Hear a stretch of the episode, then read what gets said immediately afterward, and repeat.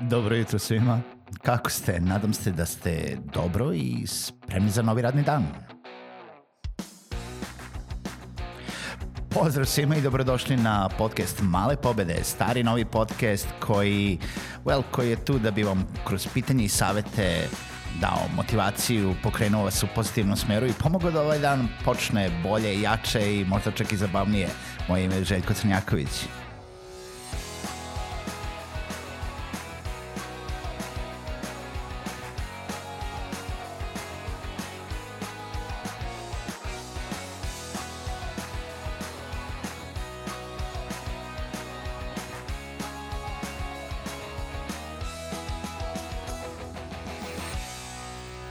Dobro jutro i dobar dan, dobrodošli u novu epizodu Malih pobeda. Moje ime je Željko Crnjaković i u ovoj epizodi uh, ovo jutro pričamo o nekom nastavku marketingu. U stvari pričamo još, još pre posljednje epizode pričali smo o nekom potrošačevom putu, a sada pričamo o tome da li vam je uopšte potreban marketing.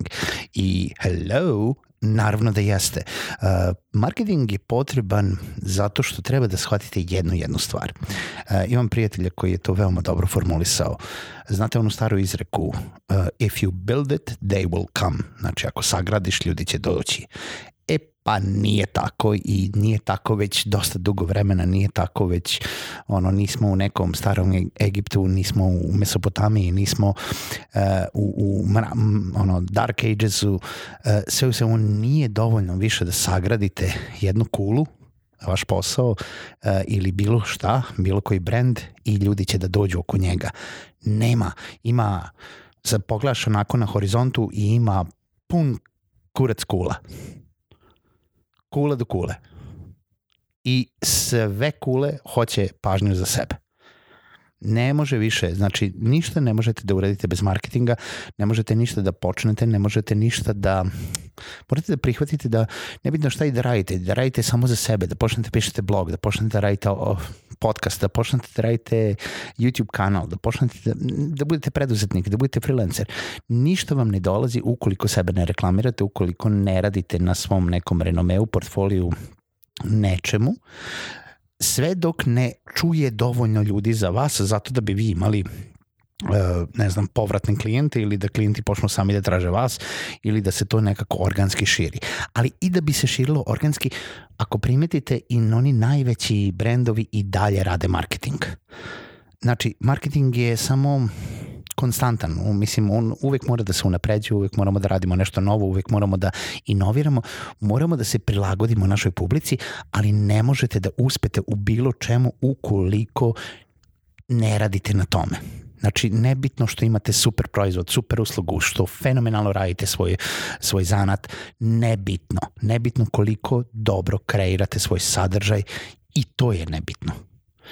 Morate taj sadržaj da plasirate negde gde će to doći do šire kruga e, gledalaca, publike, morate da dođete do vaše publike na razno razne načine. Marketing vam nudi razno razne načine da dođete do njih i to su razno razne taktike. Nebitno da li radite email marketing, hladne emailove, tople emailove, da li uh, radite SEO, da li se plasirate bolje u pretraživačima, da li radite plaćene reklame, da li radite marketing na društvenim mrežama, da li radite Google Ads, da li radite YouTube marketing, da li snimate videe, da li snimate audio, šta god da radite, morate to da radite.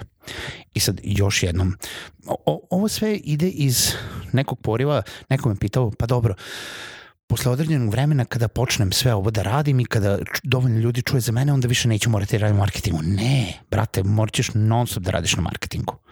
Morat ćeš non stop da ulažeš pare u to. I toga morate biti svesni. Ukoliko, pogotovo ukoliko želite da budete preduzetnik, ukoliko želite da vodite svoju firmu, ukoliko želite da budete bilo koji brend za sebe, morat ćete konstantno da radite na tome. Jedan deo vaše energije mora da ide na tome. E, istraživanja ne pomažu puno.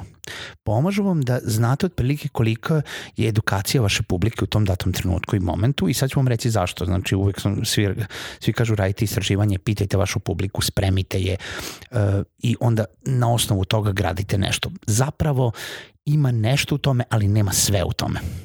2013. E, godine kada sam počeo da radim, to jest kada sam hteo e, da nakon što sam postao freelancer da otvaram prvi coworking prostor u Subotici i drugi coworking prostor u Srbiji, iako je bilo veoma rano za neki coworking prostor u to vreme, e, postao je već jedan u Beogradu, meni se ideja jako svidela i posta, postojala je tu neka, ta neka inercija ka tome, e, neka masa je počela da se zauhtava ka tome, zahuktava i e, da se lopta kotrlja na tu stranu.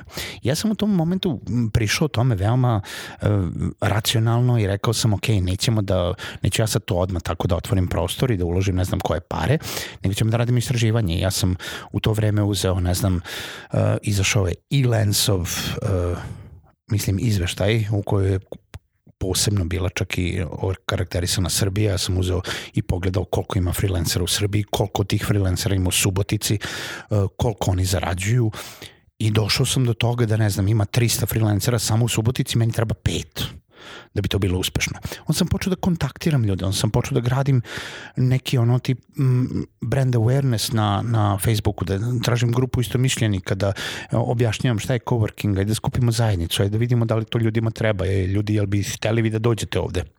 ako ja otvorim to, hoće li biti članova, hoće li biti zakupaca. To je isto kao svaki drugi proizvod. Jeste nekretina u tom smislu, ali je kao svaki drugi proizvod. 30 ljudi nakon nekoliko meseci, 30 ljudi je meni reklo samo ti to napravi, meni to treba. Ja sam rekao, dobro.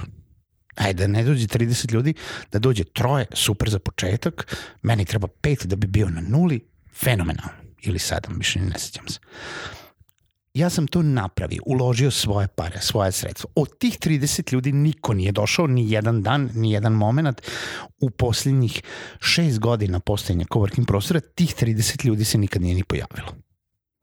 Tako da nije sve u istraživanju. Istraživanje može da vas izneveri u tom datom trenutku, osim ako ne idete sa nekim, možda sam trebao da idem neki prepaid option E, super, on, o, ajde da prodajemo ovaj, pre-subscription, da, bude, da postanete vi članovi, pa kad postanete članovi, uplati je sada prvi mesec, a za tri meseca kada budem renovirao i napravio prostor, onda ćete dobiti taj, a, taj mesec i još jedan mesec besplatno. Trebao sam, možda. Sad kad razmišljam, totalno cool ideja, Evo, evo ideja za nekoga. Ako planirate novi posao, radite pre-subscription. Neka ljudi daju pare pre nego što napravite vaš proizvod. E, to je cool ideja.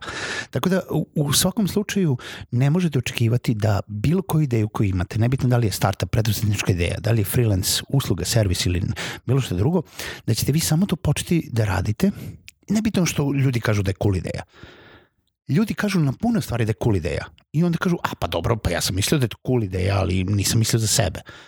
To je isto kao kad pitate, da li biste vi hteli da, da organizujemo kurs programiranja ili kurs za neku prekvalifikaciju i gomila ljudi kaže da ili još bolje pitaju non stop pa kad ćete praviti kurs?